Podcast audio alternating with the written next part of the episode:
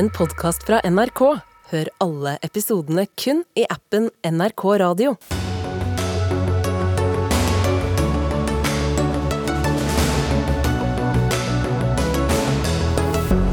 Vi har et forsvar i krise. Det sier advokaten til tre av dem som har varslet om trakassering og overgrep under førstegangstjenesten. Pressedekningen av den anonymiserte psykiateren med varsler mot seg er dypt uetisk, mener kritiker, som møter VG-redaktøren til debatt. Nasjonalmuseet gjør en snuoperasjon etter massiv kritikk. Historisk maleri som egentlig skulle i kjelleren, får henge likevel. Og det ble en skikkelig god klem da Joe Biden møtte Volodymyr Zelenskyj i Kyivs gater i dag, og kom med nye løfter om støtte. Hvor populært er det når Biden kommer hjem? Og det er noen av sakene vi skal innom denne mandagskvelden i Dagsnytt 18. Jeg heter Sigrid Solund. Nulltoleranse og handlingsplaner til tross. Nok en gang kommer det varsler fra unge kvinner i Forsvaret. I helgen sto Silje Falmår fram om varsler hun fremmet både på egne og andres vegne, om det hun beskriver som mobbing, seksuell trakassering og overgrep under førstegangstjenesten. Bernt Heiberg fra Elden advokatfirma, du er advokat for tre av eh, varslerne, deriblant eh, henne, og sier tydelig at de siste dagers avsløringer viser et forsvar i krise. Hva består denne krisen i? Ja, For å korrigere deg litt til å begynne med, nå er jeg vel bare advokat til Silje så langt. Eh, så det er henne jeg her representerer. Eh, men det eh, Silje har fortalt om, og det som er kommet fram, viser en gjennomgripende ukultur i Forsvaret. Både i forhold til hvordan disse jentene behandles under førstegangstjenesten. Men det viktigste, og som det kanskje ikke har vært så mye fokus på foreløpig, er at det viser hvordan Forsvaret håndterer varslene. Hvordan de ikke tar tak i det som er de underliggende problemene, men tvert imot fryser ut de som kommer og varsler trusler istedenfor. Det viser krisen. Ja, for Det hun fortalte om er jo mange seksuelle, ekle kommentarer. Hun var utrygg til og med voldtekter. Hva, hva, hva, er dette underliggende da? Hvordan blir de møtt og ivaretatt? Eh, det er det hun ikke har blitt gjort i det hele tatt. Eh, hun har varslet om denne ukulturen, om overgrepene, om den grove seksuelle trakasseringen, men ikke blitt tatt på alvor. Eh, når hun har gått til sine ledere og fortalt hva som har skjedd, så har det stanset der. Det har ikke gått videre. Og istedenfor at man har tatt tak i trakasseringen som har skjedd, så har hun blitt frosset ut. Hun har ikke fått bli med videre på øvelser hos enheten. Rett og slett gjengjeldelse etter arbeidsmiljøloven. Eh, og det går ikke an. Hva sier dette, forsvarssjef Erik Kristoffersen? Jeg er jo helt enig med, med, det advokaten sier. Altså, det er en krise. Det sa jeg i fjor sommer når de varslingssakene ble kjent. Og jeg har bedt eh, både Silje og andre varslere om unnskyldning. Eh, Silje har gjort det skriftlig på, i en kronikk og takka for at de står frem, for det er en krise. Og og Det er en krise vi skal jobbe for å komme ut av og få et bedre forsvar. Men så er det jo, når man da skal prøve å rette opp i dette, da, litt eh, avgjørende på en måte også om man ser det på det som enkelthendelser som tilfeldigvis oppstår, eller om det er en ukultur som vi får høre om her. Du sier at det ikke er ukultur, men et kulturproblem. Hva er forskjellen der egentlig? Det, det jeg sa, var at eh, jeg vil ikke definere det vi ser i Forsvaret som at Forsvaret i stort har en ukultur. Jeg vil være mer presis. Hvis jeg skal være mer presis, så har Forsvaret en rekke ukulturer. En ukultur er jo at uh, vi ikke behandler vernepliktige som innenfor førstegangstjenesten på lik linje med andre kollegaer. En annen ukultur er jo det som, som uh, også Silje påpeker, nemlig at uh, når folk er berusa, så oppfører seg ikke dem som de skal gjøre. Det var medsoldater som i berusa tilstand kom inn på rommet hennes, ifølge den forklaringa hun har gitt.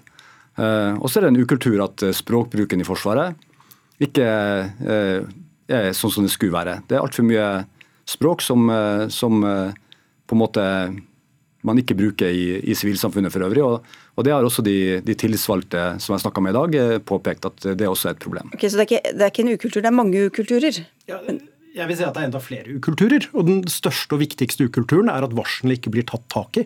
Varslerne blir ikke beskyttet. Eh, men det Silje forteller om, er jo en situasjon der varsleren blir sett på som et problem. Eh, det er varsleren man vil fjerne, få bort, istedenfor å ta tak i disse andre ukulturene som er der.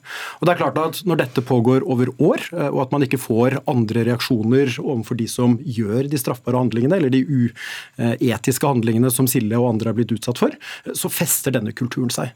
Og Det er et ledelsesproblem. Ja, ut fra din kjennskap til denne ene saken, hvor langt opp i systemet går dette, den eventuelle ukulturen da, tror du? Det er vanskelig å si konkret enda før granskingen her er ferdig. Litt av problemet har vært at man har varslet gjentatte ganger, både til befal og til andre tillitsvalgte, eh, om hva som har skjedd. Eh, man sier at man skal ta dette på alvor, men så stopper det der. Og Kristoffersen, er det sånn at man beskytter sine egne da, internt i Forsvaret, eller? Våre egne undersøkelser og den eksterne granskinga som PwC har gjort av, av, hvordan vi håndterer varsel, viser jo det samme som, som blir påpekt her. Nemlig at uh, vi må jobbe mer med forebygging, og vi har vært for dårlige på håndtering. Og Det er jo det vi tar tak i nå. Spesielt på håndteringssida blir det gjort endringer som skal komme raskt i effekt. Og så vil forebygging fortsette uh, i det uoverskuelig fremtid. Eh, men det vil ta tid å endre eh, en sånn kultur der, eh, der vi faktisk tar best mulig vare på på hver enkelt. Det skal være trygt å, å være, gjennomføre førstegangstjeneste i Forsvaret. Thomas Normann Hansen, du er hovedverneombud i Forsvaret og startet som hovedverneombud for Hæren. Har vært denne stillingen i et drøyt år. Hva er hovedproblemet, sånn som du ser det, for at dette kan skje? Nei, Det er vanskelig å svare på. fordi at vi jobber hele tida med å finne på en måte årsakene. Jeg tror det er mange forskjellige årsaker i de forskjellige sakene. Eh, men jeg tror at eh, jeg er veldig glad for at vi nå får den kulturdiskusjonen og debatten. og Jeg håper at vi kan ta den internt for å jobbe. Det tror jeg kan bringe oss framover til løsning. Jeg tror at vi må erkjenne at det er en kultur, at vi har kulturproblemer, før vi på en måte kan komme til skudda. Ja, for Er dette noe som gjennomsyrer store deler av Forsvaret, selv om ikke det alltid får så ekstreme utslag som her, tror du? Nei, det er ikke mitt inntrykk. Mitt inntrykk er at Forsvaret har veldig mye god kultur. Eh, vi løser oppdrag, vi er kjempegode på det. Vi har veldig gode soldater. Eh, men så har du enkelte tilfeller hvor det blir vanskelige situasjoner. Eh, folk kommer i en vanskelig situasjon, og da sliter vi litt med, kanskje med å håndtere det. Men mange ganger håndterer vi det også veldig bra. Heiberg, hvordan vil du si at forsvarsledelsen har håndtert det de siste dagene, da? Nei, vi er skuffet over at forsvarsledelsen ikke er kommet på banen før NRK bryter denne saken på, på, lørdag.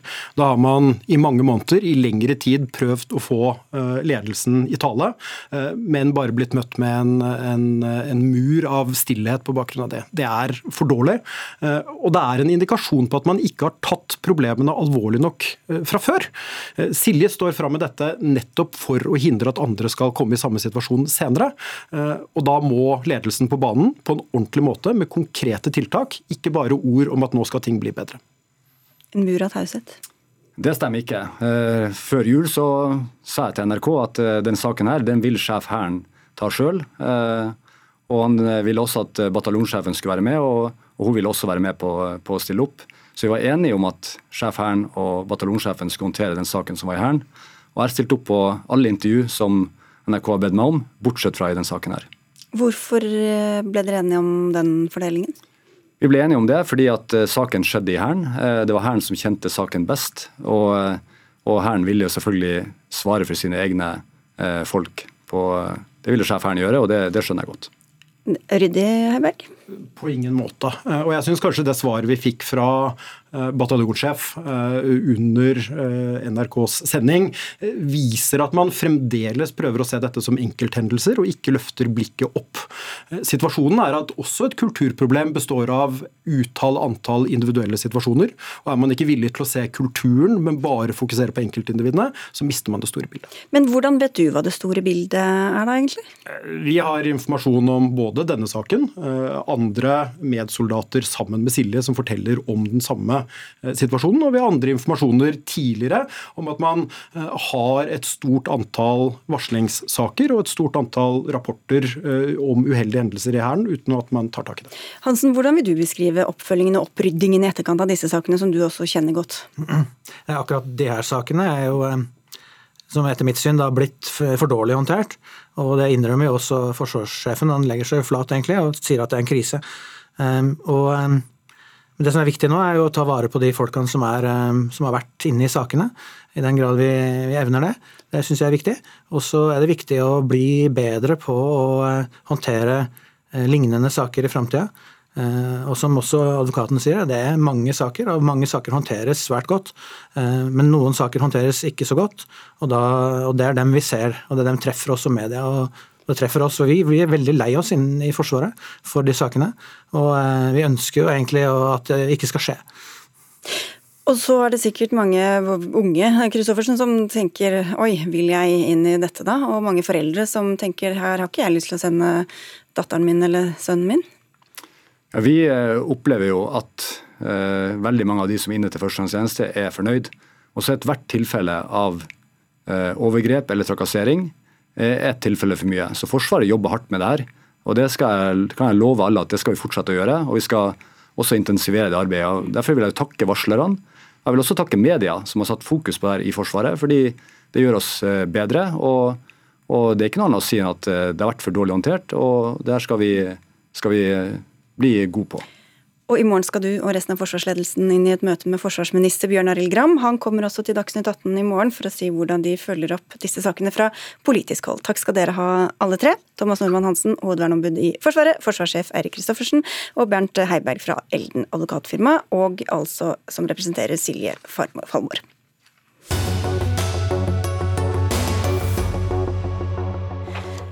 Denne helgen har en av 1800-tallets viktigste norske malere blitt en snakkis. Det ble nemlig oppstyr da Aftenposten i helgen skrev at Nasjonalmuseet satte et kjent Christian Krogh-maleri ned i kjelleren.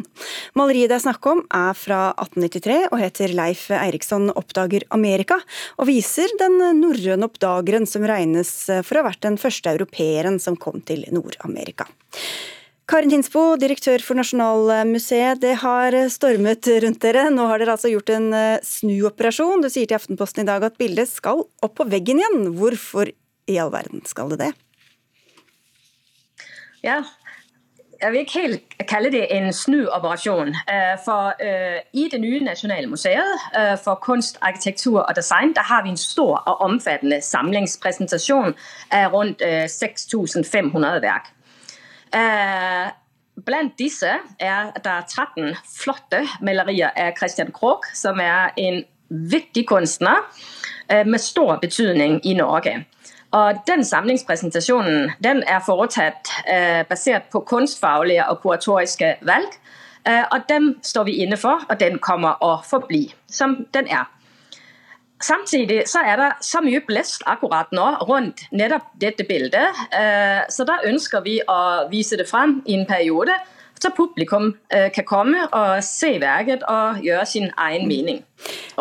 Ikke sant. Og en, av, eh, altså en, ting var jo at dere ikke skulle ha dette i den permanente utstillingen, men det, noe annet var jo dette, denne forklaringen eh, om at bildet var kolonialistisk, som ble trukket da sa det var ikke det som var poenget eh, egentlig likevel. Så hvorfor ville dere ha dette bildet ned i utgangspunktet? Ja, Nå har vi jo egentlig ikke tatt det ned. For, uh, ikke henge den opp, da. det, det, hang jo ikke oppe. Uh, det er bare ikke blitt inkludert. ikke det nye, ikke det nye nei, dere, men det var i hvert fall ikke plukket ut, da, kan vi si det sånn. Nei, det var det ikke. Og det er, har ingenting å gjøre uh, med kolonialisme eller noe som helst i den dur. Det har noe å gjøre med de kuratoriske valg og hvordan vi velger å presentere Christian Krogh. Det der er jobbet veldig mye med det, og der er gjort nøye overveielser. Vi har 70 tror jeg, malerier av Christian Krogh, og der er 13 med. Han er godt representert. Eh, og Noe vi har valgt å prioritere, det er jo eksempelvis eh, Albertine og kampen om tilværelsen, som også er veldig store og svære bilder, sammen med en rekke av hans andre fantastiske perler. Han er en av mine personlige favoritter, kan jeg bare si. Tommy Sørbø, kunsthistoriker og forfatter, og en av mange som reagerte på at dette bildet skulle i kjelleren. Hva, hva var det som var så galt med det valget? Jeg reagerte ikke på at det skulle i kjelleren eller på magasinet. Det var begrunnelsen først og fremst jeg reagerte på. Sammen med veldig veldig mange andre. Og gudskjelov, for hadde det ikke vært for den reaksjonen, den massive reaksjonen, Eh, så tror jeg ikke Nasjonalmuseet, med all respekt for, eh, for, Karin Hinsbo og hennes stab, hadde gått tilbake på den forklaringen. Så det viser hvor viktig det er å stå opp for ytringsfrihet, ikke minst i kunstfeltet. Og kanskje særlig når det dreier seg om en kunstner som Christian Krohg, som har betydd så mye for ytringsfrihet og for den frie debatt. Men nå sier du at det ikke hadde noe med denne kolonialiseringen å gjøre. Da. Hvorfor var det så farlig dersom det jo ingenting med det å, å, gjøre. Jeg tror vel også uh, Audun Winger selv har vært ute og påpeke i dag at man kan se begrunnelsen i hans bok, som jo er uh, utkommet lenge før Nasjonalmuseet åpnet.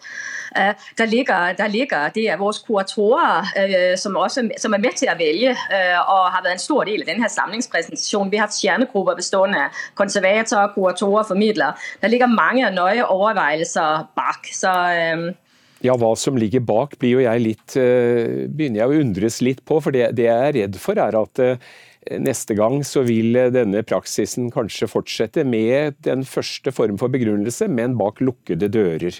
Så, det, har, det har både med, med kol, altså, kolonialisme Det er ingen i Nasjonalmuseet som mener at Christian Krogh er en kolonialistisk kunstner. Det var noen og som mente det inntil for noen alt, Så er det jo fordi at man ikke mener at det er et av hans mest vesentlige verker. Nei, nei. Altså, det er et, et, et dynamisk øh, værk øh, i den grad, men, men, men her, her, mener museet at der er andre og mer interessante verker å stille ut. Og det har vært begrunnelsen. Der ligger ikke noe øh, kanselleringspolitikk øh, whatsoever i de øh, øh, kunstfaglige valgene som blir tatt i Nasjonalmuseet. Hvorfor stoler du ikke på dette, da, Sørbø? Hvorfor skal man lese det inn i den konteksten hvis de sier at ikke det stemmer? Jeg velger å stole på det, men dette er jo en del av et mønster. altså Hvis den første begrunnelsen hadde vært riktig, da, så ville det ikke vært så rart at vi reagerte. Fordi eh, det foregår i dag en kansellering av eldre tiders kunst og kultur, åndshistorie og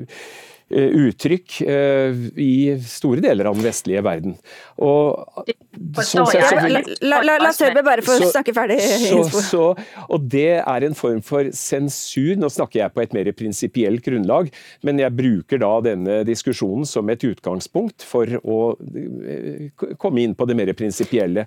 Og det at noen sensurerer eh, fortidens ytringer på vegne av meg, fordi jeg og mine ikke tåler eh, meninger og oppfatninger og synspunkter som ikke passer overens med våre tids sannheter, det anser jeg for å være sensur, og det er sikkert også Karin Hinsbo enig med meg i, så da håper jeg inderlig at, eh, at man er forsiktig heretter med å tre, bruke den form for argumentasjon som jo faktisk ble brukt inntil for noen timer siden. Ja, og som de nå tar avstand fra. Da men, men, Hins, men Hinsbo, jeg skal bare spørre deg, fordi du, er, du, har jo også sittet her i studio eh, og snakket om hvordan man skal lage ny kanon, og hva, hva, hva det nye museet skal inneholde. Og hva, hvor går grensa mellom det å være samfunnsrelevant, se ting med nye øyne, og det å kansellere, som Tommy Sørbø snakker om?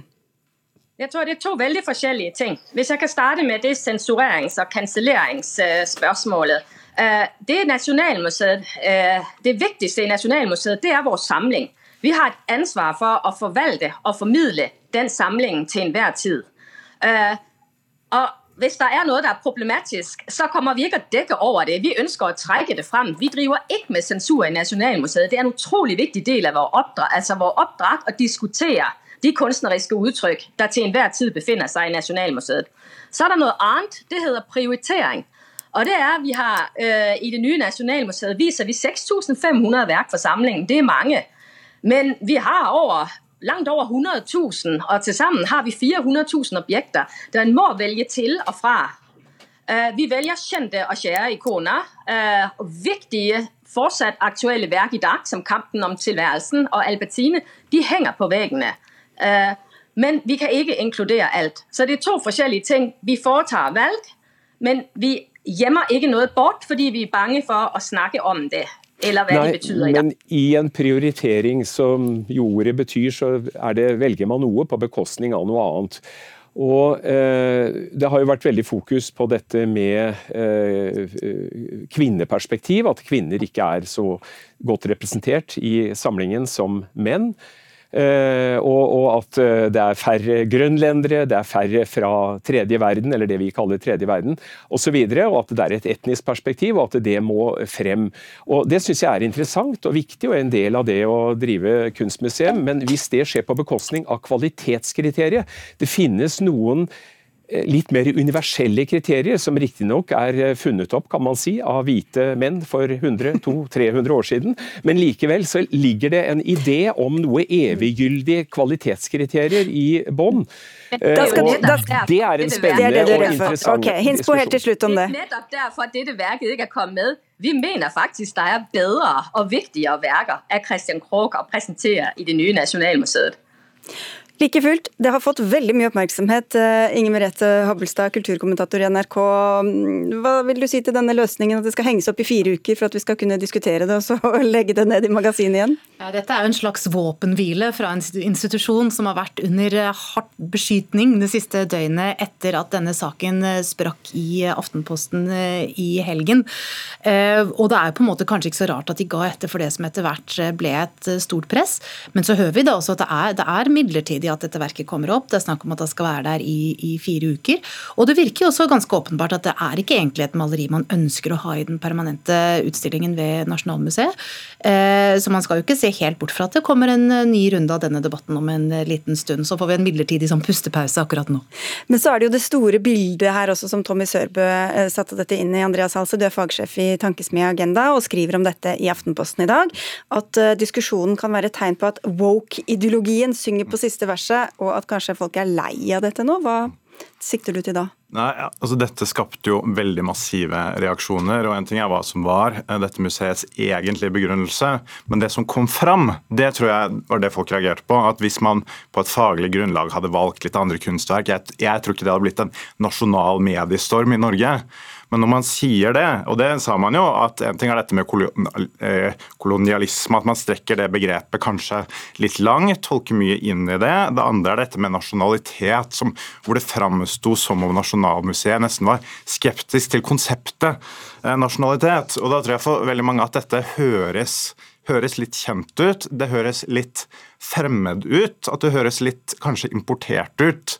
Hvor det har noen likheter med en del del ideologi fra det vi kan kalle woke-bevegelsen, som er veldig opptatt av å problematisere ting som er særlig vestlig, og være litt sånn kanskje overdrivent selvkritisk da, på, på egne vegne. Så jeg tror det kan ha bidratt til en, en avstand mellom også det folk flest oppfatter er viktige og relevante debatter, og hva som beveger seg i da, deler av Kultur-Norge. Men Da kan man jo også lure på hvem som er mest hissige og årvåkne, de som driver med denne woke-kulturen, eller de som er redde for den? Ja, det kan man selvfølgelig si. Jeg tror dette er eh, jeg tror at det her er et tegn på at folk, i hvert fall en del, er i ferd med å få litt nok. Jeg vet ikke om dette ville skjedd for for to-tre år siden. Men altså, graden av reaksjoner som fører til at de både beklager uttalelsene sine først, og så snur de i, i beslutningen av, uh, av sel, selve maleriet, jeg, jeg, tror det kan i hvert fall være, være et tegn på, på, at stemningsbølgen er i ferd med å snu. Og det kan jo kanskje også ha litt, sånn, litt sammenheng med at nå er vi jo i en tid med krig og krise. Folk som står i matkøen til Fattighuset eller, eller er bekymret for krig i Europa, kanskje ikke like mye, like mye interesse av å problematisere liksom, eh, det som her er påstått kolonialisme fra en, en viking, eller, eller, som var diskusjonen for noen, noen, år siden, hvor man dedikerte en, en, park til en vitenskapsmann, og det skulle, det skulle eh, liksom, føre til enormt anstøt blant befolkningen på Tøyen. Hvor viktig er dette bildet da, Hobbelstad? Eh, Det er jo det store spørsmålet. og Det er et, også to et, litt sånn ulike spørsmål. Det ene er Eh, er det godt, og det andre er er det viktig. Og her, Apropos det, eh, det Halse sier her. altså Hadde de ikke hengt opp bildet med den begrunnelsen av at det ikke holder høy nok kvalitet, at det er andre bilder av Christian Krogh som er mer relevante. Ville kanskje blitt litt debatt da også, eh, men det er på en måte noe annet. Men det som kommer inn her, det er at det blir gjenstand for en slags ideologisk, moralsk vurdering. Det var i hvert fall det man, det man fikk, eh, fikk, inntrykk av. Og det er jo fra et bilde som er uhyre velkjent. Altså Det er jo sentralt både i sin historiske kontekst, hvor det blir malt i 1893, eh, og da er det relevant på flere måter. Det kommer som en del av den norske nasjonsbyggingen på 1800-tallet, hvor man har vært for en stund siden har vært i union med Danmark, nå har man vært i union med Sverige, vil ut fra det. Og man jobber da for å finne det som er ens eget. ikke sant? Det som ikke er, på, er preget for mye av disse sterke kolonimaktene på hver side. Og man vender seg da mot vikingene, mot sjøfarten. ikke sant? Så, dette, så i så en scene er det jo et antikolonialistisk bilde. Eh, og så har de jo hatt en veldig sentral plassering. Veldig mange vil huske at det var hang over den store trappen i det gamle Nasjonalgalleriet. Det var det første du så når du kom inn der. Det har vært i et utall lærebøker, fagbøker, ikke sant. Som gjør jo også at dette er en slags felles referanse. Så du kan jo si at litt sånn uavhengig av kvaliteten, så er dette et bilde som er viktig bare fordi det har vært viktig. Fordi det er et bilde som mange kjenner til, og dermed blir det også vanskeligere å begrunne at man skal ta det ut av samlingen. Og da kan vi få mange sånne debatter når Nasjonalmuseet skal finne ut av hva som skal være viktig da de nærmeste årene? Absolutt. Og, og, her har de jo på en måte et dobbelt ansvar som de skal forvalte hele veien. og Dette var litt eh, det de var inne på i, i debatt vi hørte nå. Eh, fordi Nasjonalmuseet skal jo på den ene siden ta vare på det vi har fra før, det som har vært viktig gjennom norsk historie, eh, det som har vært innflytelsesrikt, og vise frem det. Og det er klart at Her kan man ikke bare begynne å på en måte dikte opp den fra scratch, her må man forholde seg til det som faktisk har vært eh, hjørnestener. Men så skal man også prøve å finne hva er det som har vært undervurdert, hva er det som har vært usynlig, eh, hva er det som ikke har blitt vist frem av de store institusjonene. Kanskje fordi det er laget av kvinner, av folk som tilhører forskjellige minoriteter. At de ikke har vært sett på som interessant. Og Denne jobben er også uhyre viktig. Og Noe som jeg synes er litt ille med debatter som dette, det er at disse to tingene settes opp mot hverandre. At det er liksom snakk om enten å finne glemt kunst av kvinner, minoriteter, eller å ta vare på den kanoniske kunsten. Begge deler er viktige oppgaver. Og nå fikk jo kritikerne som de ville, da, Hasse. Hva er det et tegn på, tror du? Nei, jeg tror nok det er et tegn på litt av det som Hobbelstein er inne på her. At en del sitter på en opplevelse at det har gått litt for langt. At man leter litt for nøye etter problemer, kanskje også der de ikke fins. Men så tror jeg også Hobbelstad har et poeng. fordi jeg tror mange ikke ønsker å måtte velge. Og Det ser vi i den debatten her, at også mange på venstresiden begynner å engasjere seg. Og Det tror jeg er fordi at mange syns det er viktig å se blindsonene, som har vært også i vestlig kultur. Blindsonene for minoriteter, blindsonene for, eh, for kvinner. Eh, men, men at det ikke må komme i en pakkedeal der man er overdrevent kritisk til alt som er vestlig, alt som er mannlig, der man leter med liksom lykt og lupe etter problemer, også der det ikke fins. Så jeg tror mange ser etter en, en slags middelvei her. Da. Så det man kan håpe på, er at dette er en tegn på litt sånn normalisering av, av debatten. Og masse gode debatter i vente. Takk skal dere ha, i hvert fall alle fire. Karin Hinsbo, Tommy Sørbø, Inger Merete Hobbelstad og Andreas Halse.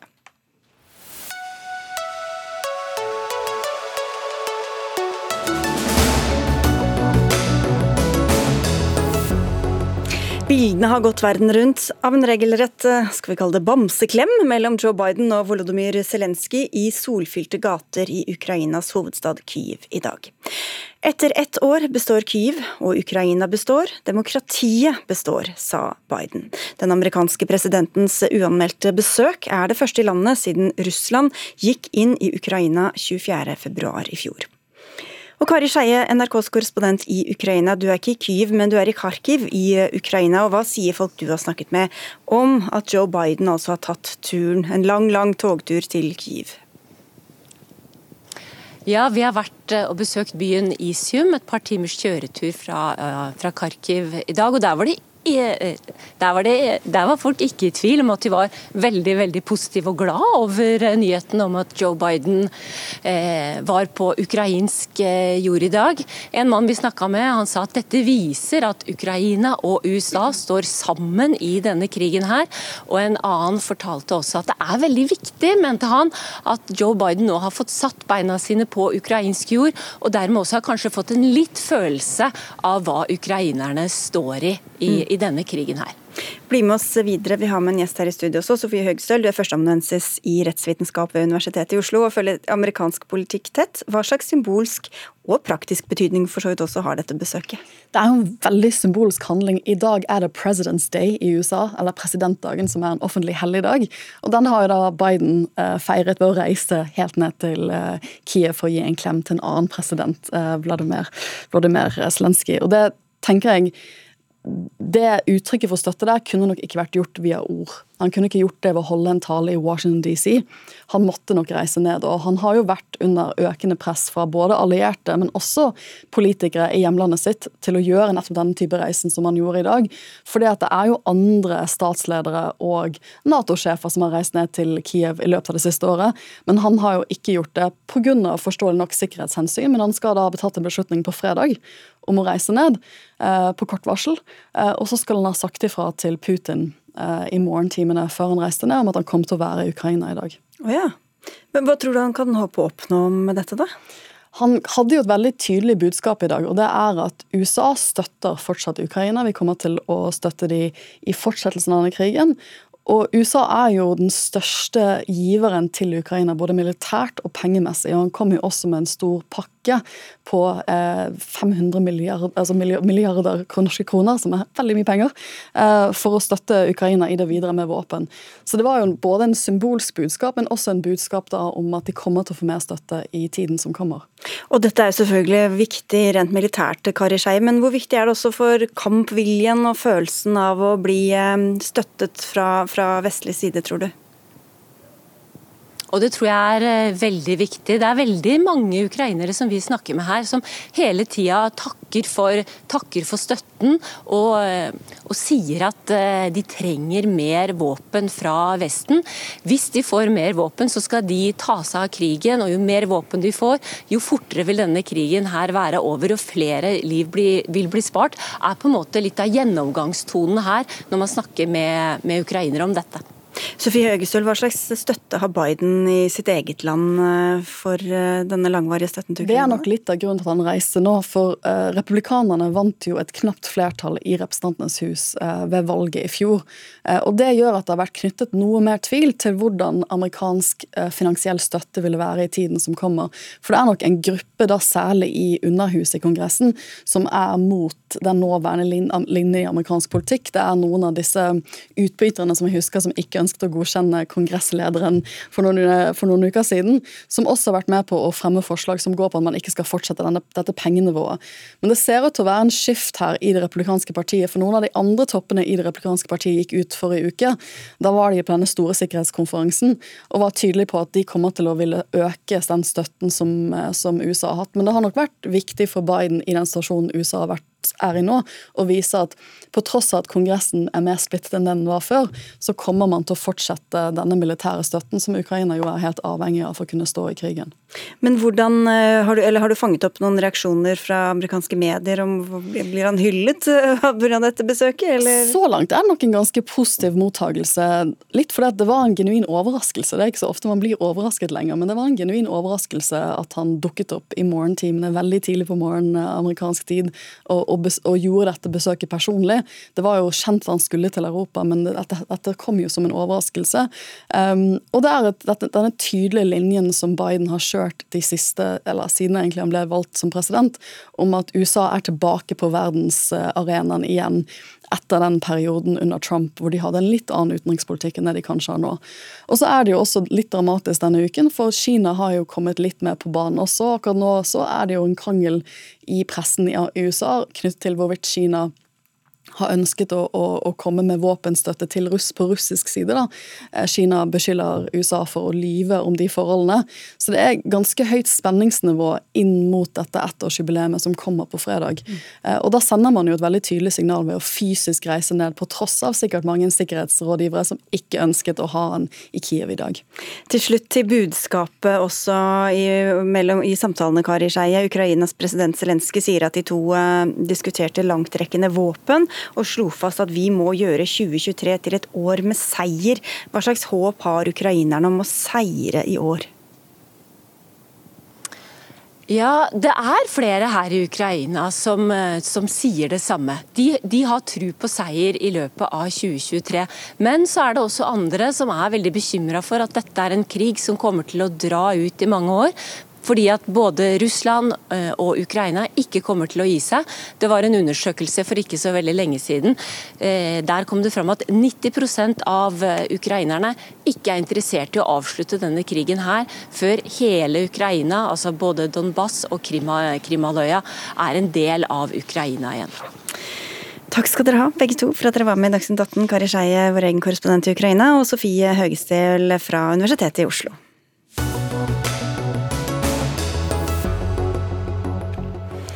Du hører eller ser på Dagsnytt 18, hvor vi etter hvert skal diskutere flypriser i Nord-Norge. Men nå skal vi til saken om den norske psykiateren som har fått varsler mot seg fra til sammen fem personer, er det vel nå.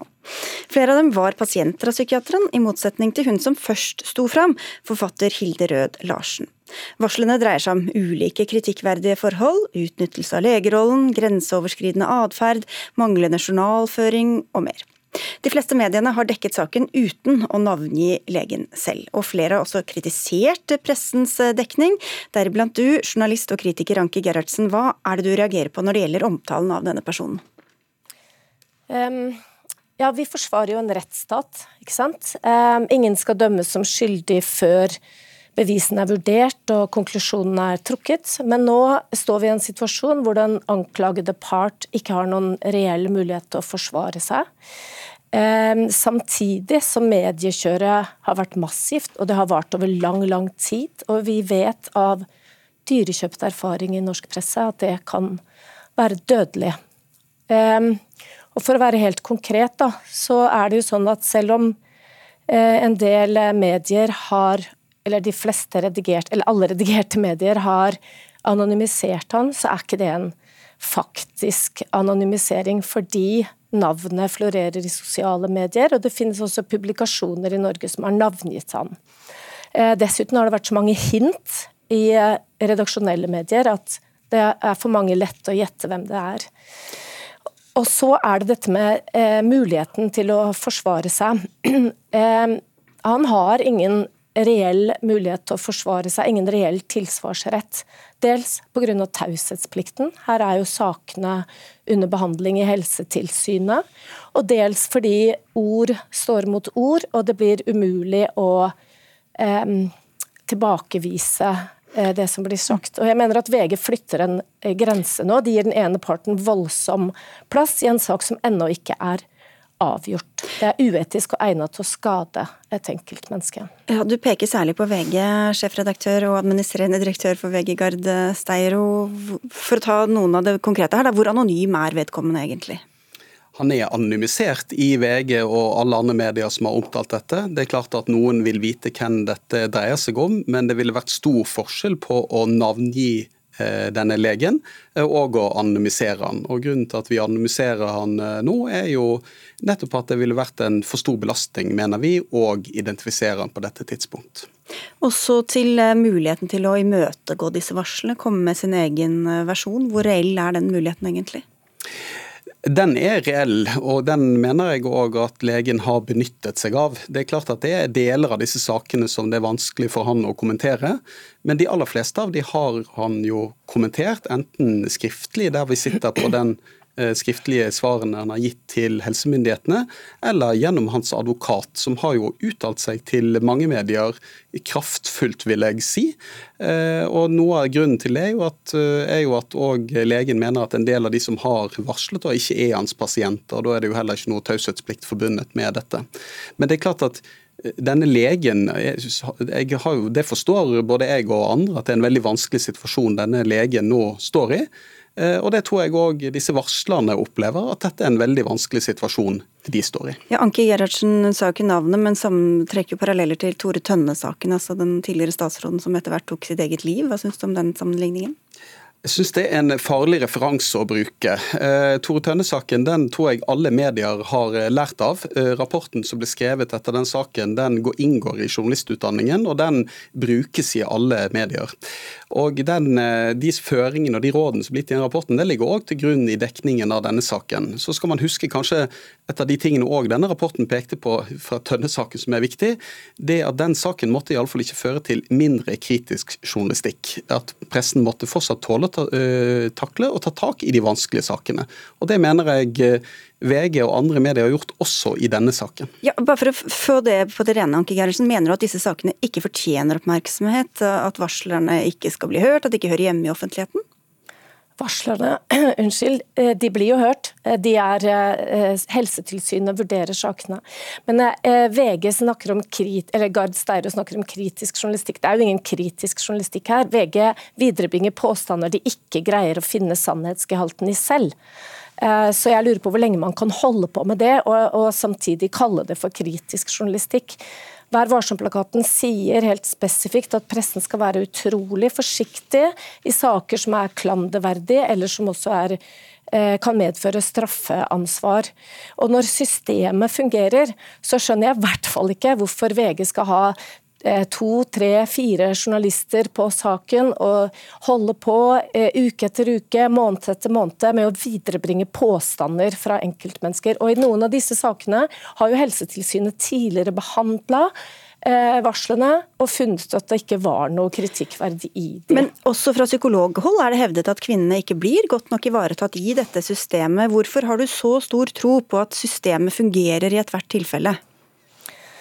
Ja, eh, Vi kan i hvert fall vente og se da, hva Helsetilsynet konkluderer med, eller hva politiet konkluderer med. Det skal vel ikke være sånn at det er VG som skal kjøre en slags sånn straffeprosess mot et enkeltmenneske i det eh, omfanget som gjøres, eh, gjøres nå. Og Det å bli tatt av pressen, det, er, det, tror jeg er den verste formen for straff. De fleste av oss ville heller sittet to uker i fengsel uten at noen visste om det, framfor å bli hengt ut med jevne og ujevne mellomrom i en pågående sak, sånn som skjer nå. Hvorfor ikke la systemet virke i stedet for eh, Nei, Det er ikke pressens rolle. Pressens rolle er ikke å dømme, pressens rolle er å informere. Dette er et eksempel på kritisk journalistikk. Denne sanken inngår i en en stor dekning VG har gjort over tid.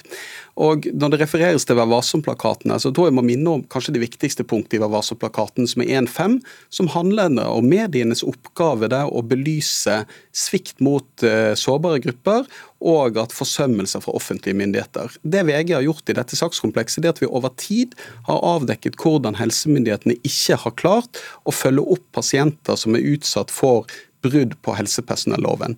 Det førte til at regjeringen satte ned et utvalg i fjor der man nettopp pekte på at disse eh, pasientene de fikk ikke det vernet som man mener de, som myndigheten har lovet å gi dem. Og nå skal det sies da at Denne saken begynner med at Hilde Røe Larsen sjøl går ut og forteller sin historie. Om mediene ikke hadde tatt tak i denne saken, om det ikke hadde blitt belyst som helst noe som helst måte, så hadde vi ikke visst det vi vet i dag. Det har kommet en rekke varsler, en rekke henvendelser som følge av at Hilde Røe Larsen står fram. Og det mener jeg at Uten at man skal konkludere om dette som har skjedd er kritikk ved det eller ikke, så er det jo pressens oppgave å belyse denne type problemstillinger. Og pressens oppgave da mener iallfall jeg det er å stille seg på de som er de sårbare gruppenes eh, side, og diskutere hvordan ser dette ut fra deres side. Og belyse det. Og da mener jeg, når det sies at vi, vi her, sies at vi her nærmest bare viderebringer ukritiske opplysninger uh, ut i offentligheten Grunnen til at det er mange journalister på denne saken, det er at man bruker mye tid på å ettergå dette. Disse kvinnene de har lagt fram dokumentasjon på dokumentasjon på det som har skjedd, og det er veldig mye i disse sakene som er fullt dokumenterbart. Og så er man uenig om det er kritikkverdig eller ikke. Og så er det vel sånn ofte, Gerhardsen, at hvis én står fram, så følger det flere etter. Hvordan skal man ellers få fram disse sakene og, og sånne kritikkverdige forhold hvis man ikke dekker det? Ja, men jeg, sier ikke at man ikke skal dekke det. Jeg snakker om omfang og jeg snakker om metode og, eh, hvordan man gjør det. Og så er det også sånn at eh, Selv om man tenker at hvis vi nå kjører på, så kanskje det kommer flere saker, så er jo det en uh, uetisk måte å behandle enkeltmennesker på.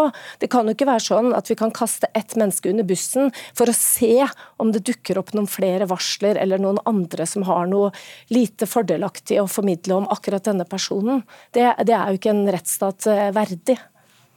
Men det, var, det, er heller ikke det jeg sier at vi har gjort. Vi sier at det er et faktum at det har kommet flere varsler som følge av dette. Men det viktigste for oss er å belyse hvordan disse kvinnene har opplevd sitt møte med systemet, og til å sitte og si at mediene nå skal vente på at denne saken blir behandlet av helsemyndighetene, det mener jeg blir være feil. Det er feil forståelse av pressens rolle. Men Hva slags hensyn viser dere til den personen som får alle disse anklagene mot seg? Da? Det er flere ting som blir gjort der. Det er klart at er, Denne personen eh, står overfor et stort press. og Det er helt klart, det forstår vi. og Det er det måten vi presenterer sakene på, det at vi gjør grundig research, det at vi bruker tid på å få vedkommende sin versjon av dette, og at det tas nødvendige forbehold gjennom hele dekningen. Vi kunne gjerne fortsatt, men det rekker vi ikke. Men tusen takk skal dere ha begge to, Anki Gerhardsen, kritiker og journalist, og Gard Steiro, som altså er sjefredaktør og administrerende direktør for VG.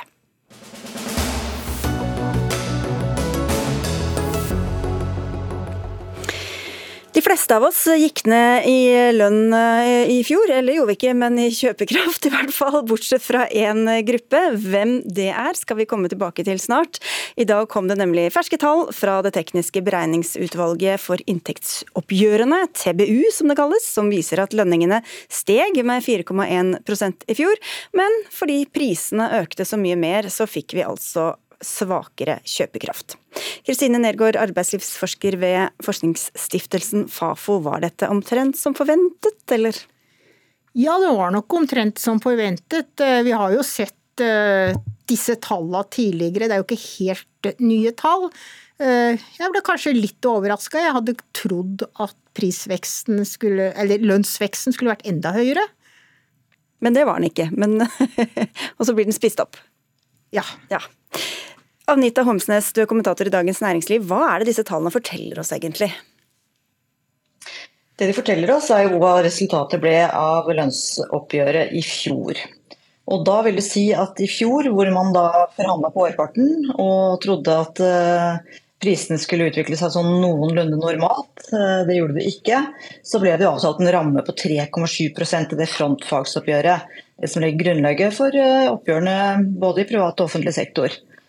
Og så viser det seg da, altså Fasiten kom jo i dag da, på en måte på at 3,7% det var det noen eh, sektorer som holdt seg til, mens andre overhodet ikke gjorde det. Ja, Hvem var det som eh, ikke har kjent etter så mye i lommeboka? Det er jo da helt klart eh, oljesektoren. Der var det en lønnsøkning på 6,3 Ehm, noe som gjenspeiler selvfølgelig enorme uh, høye olje- og gasspriser i fjor. Uh, noe som resulterte i uh, at det rant inn med penger i kassene til de største oljeselskapene.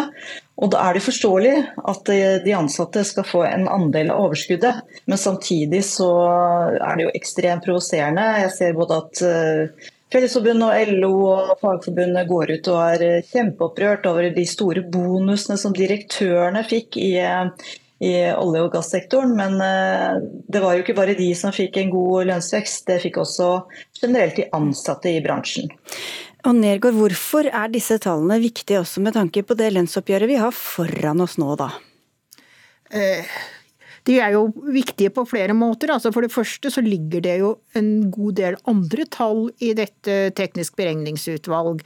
Det er tall for hvor stor, høy man tror prisveksten vil være i 2023. Det er viktig for hva fagforeningene krever av lønnstillegg når de skal begynne å forhandle nå i mars. Eh, det er tall som viser omtrent eh, hvordan man tror konkurranse, norsk, konkurransesituasjonen for norske bedrifter har vært, og det er tall som sier noe om man tror at økonomien går bedre eller dårligere i 2023. Men så er det jo også sånn at de som da har fått eh, mindre lønn enn de andre, de bruker da det som et argument for at vi må ha et bedre lønnsoppgjør i år. Ja, Hvordan tror du dette kommer til å slå ut, Homsnes, disse ganske store sprikene som du beskrev? Eh, det gjør i hvert fall at kravet fra offentlig sektor kommer til å bli enda sterkere på at de nå vil ha en større bit av kaka. Eh, det er også sagt av LO-leder Peggy eh, Følsvik nå at hun vil prioritere kommunalt ansatte, noe som er veldig overraskende, for det har for så vidt ikke de prioritert så veldig mye før. Men det som er helt klart, at i dette lønnsoppgjøret så kommer det til å bli en mye større fokus på lavtlønte. En lavtlønnsprofil som i hvert fall gjør at de kan ha en mulighet for å få en lønnsvekst som er høyere enn prisveksten. Jeg er ikke sikker på om eh, mange av oss andre får det samme. Vi var innom denne frontfagsmodellen, nemlig at de konkurranseutsatt sektor går foran og lager en ramme, og så er det ingen som skal gå over den, eh, Nergård. Men hva slags handlingsrom er det da, hvis man skal følge den modellen og løfte andre store grupper? Eh, det er jo ikke veldig mye handlingsrom hvis man skal løfte store grupper. Nå var det jo sånn i fjor, altså i 2022, at eh, man fikk litt høyere lønnsvekst i eh, offentlig sektor enn det man gjorde innen frontfaget. Og så ser man jo disse tallene her, så var det jo Industriarbeiderne fikk jo en lønnsvekst i 2022 som lå under frontfagsramma, altså de gikk under ramma, mens funksjonærene i industrien de endte på 5% og kan du si, godt over ramma. Og Det er nok noe som kommer til å prege årets oppgjør. Jeg tror det vil bli noen ganske krevende lokale forhandlinger i industrien i år, når disse klubblederne rundt omkring på industribedriftene skal få ut og forhandle, og kanskje sitter man da med ledere og funksjonærer som har fått store bonuser. Så det er nok ikke bare spørsmålet om hva offentlig sektor skal få i år som blir krevende, men det kommer også til å være ganske mye diskusjoner ute i bedriftene når selve hovedoppgjøret er ferdig og man skal i gang med lokale oppgjør. Vi husker de fleste av oss Homsnes lærerstreiken fra i fjor, som ikke slo så heldig ut for eh, lærerne. Hvordan ligger det an til, ut fra disse tallene du har sett nå, både for lærere og sykepleiere og andre som mener at lønna må opp, det mener jo de fleste dammen. Ja, nei, Sykepleierne fikk faktisk eh, mer enn, fikk en litt større tillegg enn det lærerne gjorde, i hvert fall ved fjorårets eh, lønnsoppgjør. Så de ble det merkelig stille fra etter, eh, etter lønnsoppgjøret. Men lærerne de gikk ut i en streik og har nå det var jo bare noen dager siden de fikk vite hva de fikk i lønnsvekst i fjor gjennom Rikslønnsnemnda. Ikke overraskende så fikk en krone mer enn det som var det siste tilbudet fra motparten KS. Det er klart at Der er det fortsatt en enorm konflikt mellom eh, arbeidsgiver og arbeidstaker. Og Jeg vil ikke bli overraska om det hadde blitt en streik igjen hos lærerne. De har jo tidligere, de har jo streika i mellomoppgjør før, de. Og det er jo ikke noe som tyder på at de kommer til å få så veldig mye mer igjen ut av dette oppgjøret enn tidligere. Mellomoppgjør, Nergård, hva ligger i det egentlig? Eh, vi har toårige tariffavtaler i Norge. sånn at de tariffavtalene som eh, eksisterer nå, de gjelder fra 2022 til 2024. Men i mellomoppgjøret, altså i 2023 f.eks., for så forhandles det om lønnstillegg. Det er bare lønn som står på dagsorden, ikke andre forhold. Det er da vanligvis slik at eh, stort sett så kommer man til enighet i et mellomoppgjør. Det sjelden det er større streiker. men det er ingen regel uten unntak. Så streiker kan det bli fortsatt? Det bli. Takk skal dere ha begge to. Kristine Nergård, arbeidslivsforsker ved Fafo, og Anita Hormsnes, kommentator i Dagens Næringsliv.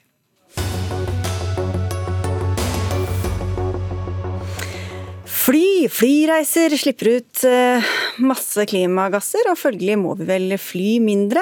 Men hva da med folk i Nord-Norge som ikke har så mange andre gode alternativer?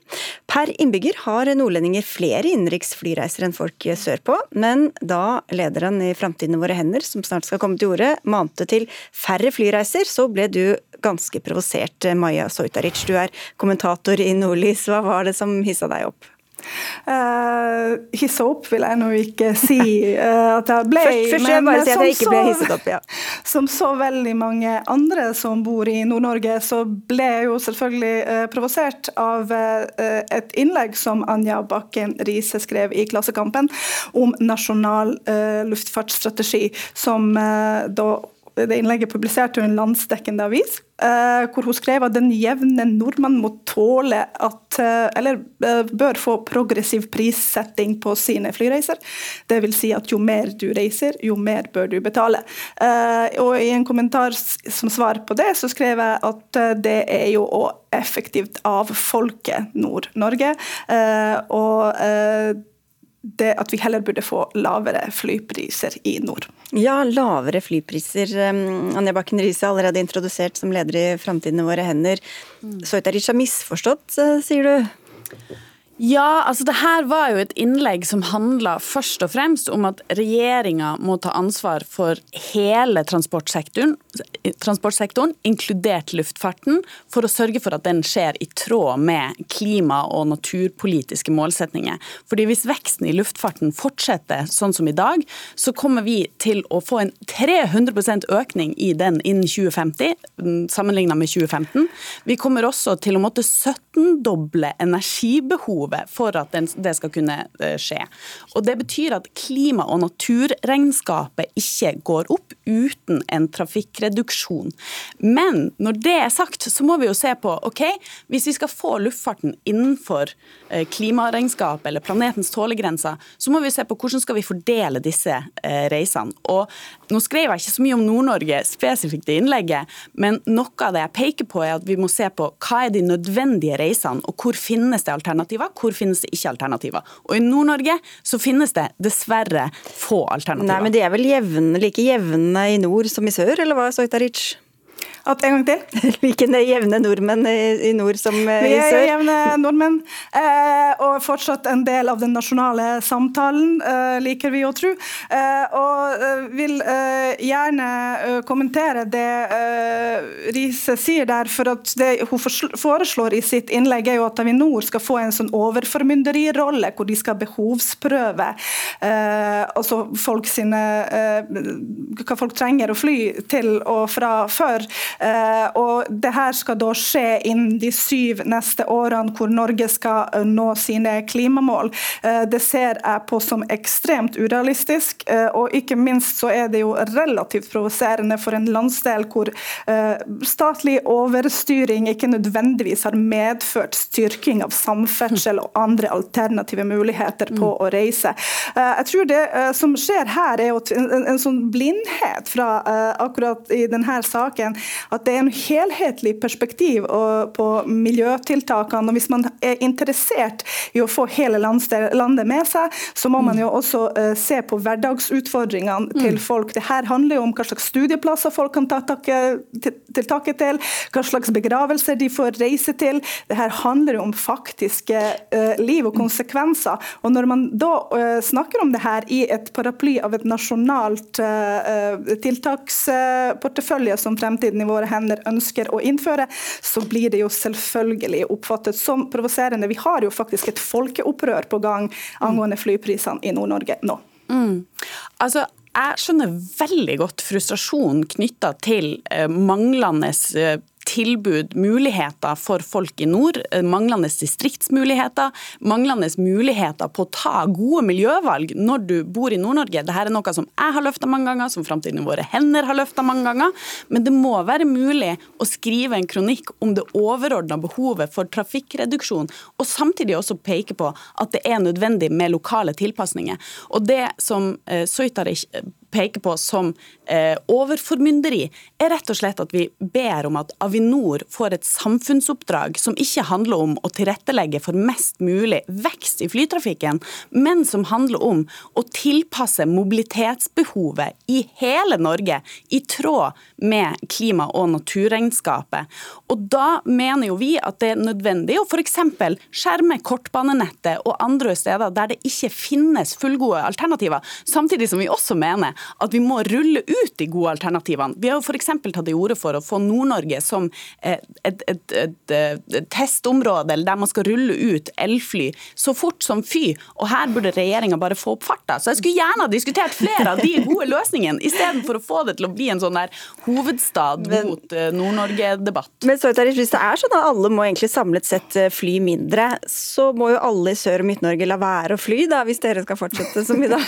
Det er jo vel det også som Anja uh, sier jo i, i, tilsvaret sitt på Nordlys at det er jo Oslo-Trondheim som kanskje har den høyeste frekvensen av flyreiser. Så hvis det er det som er perspektivet, så blir det jo ikke noe mindre hovedstadsfokus der. Det er jo ikke et poeng å gjøre det her til en nord-sør-debatt. Det, det, er et poeng å vise at det norske politiske landskapet er slik at de norske politikerne som skal iverksette tiltak for klima og miljø,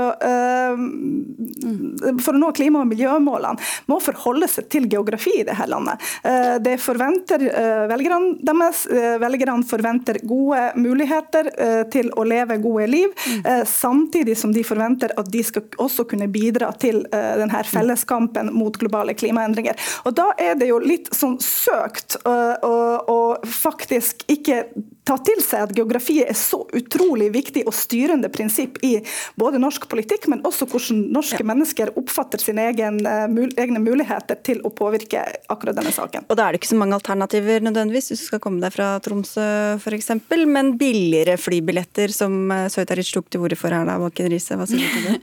ja, nå er ikke jeg, jeg kommer nok aldri til å bli en veldig forkjemper for billige flybilletter, men du skal se at med elfly så kan jo prisene gå ned. Så hvis man bare fikk fart på den utrullinga der, så hadde vi jo kommet et godt stykke på vei. Men det er, det er et kjempeviktig poeng. Altså mellom Oslo-Trondheim, Oslo-Bergen, eh, de reisene der de står for rundt 20% av klimautslippene fra innenriks norsk luftfart. Sånn at, og her finnes det alternativer. Her går det tog. Samtidig som at det koster mye mer enn å fly. Og da er det ikke rart at folk velger å fly. Men her er det et politisk ansvar å rette opp i det. Ikke sant? Da får det bli en annen debatt med helt andre debattanter. Takk skal dere ha begge to. Maja Sojtaric fra Nordlys og Anja Bakken Riise fra Framtiden i våre hender. Vi takker for oss fra Anne Katrine Førli, Vegard Erstad og Sigrid Solund, og ønsker en riktig fin kveld.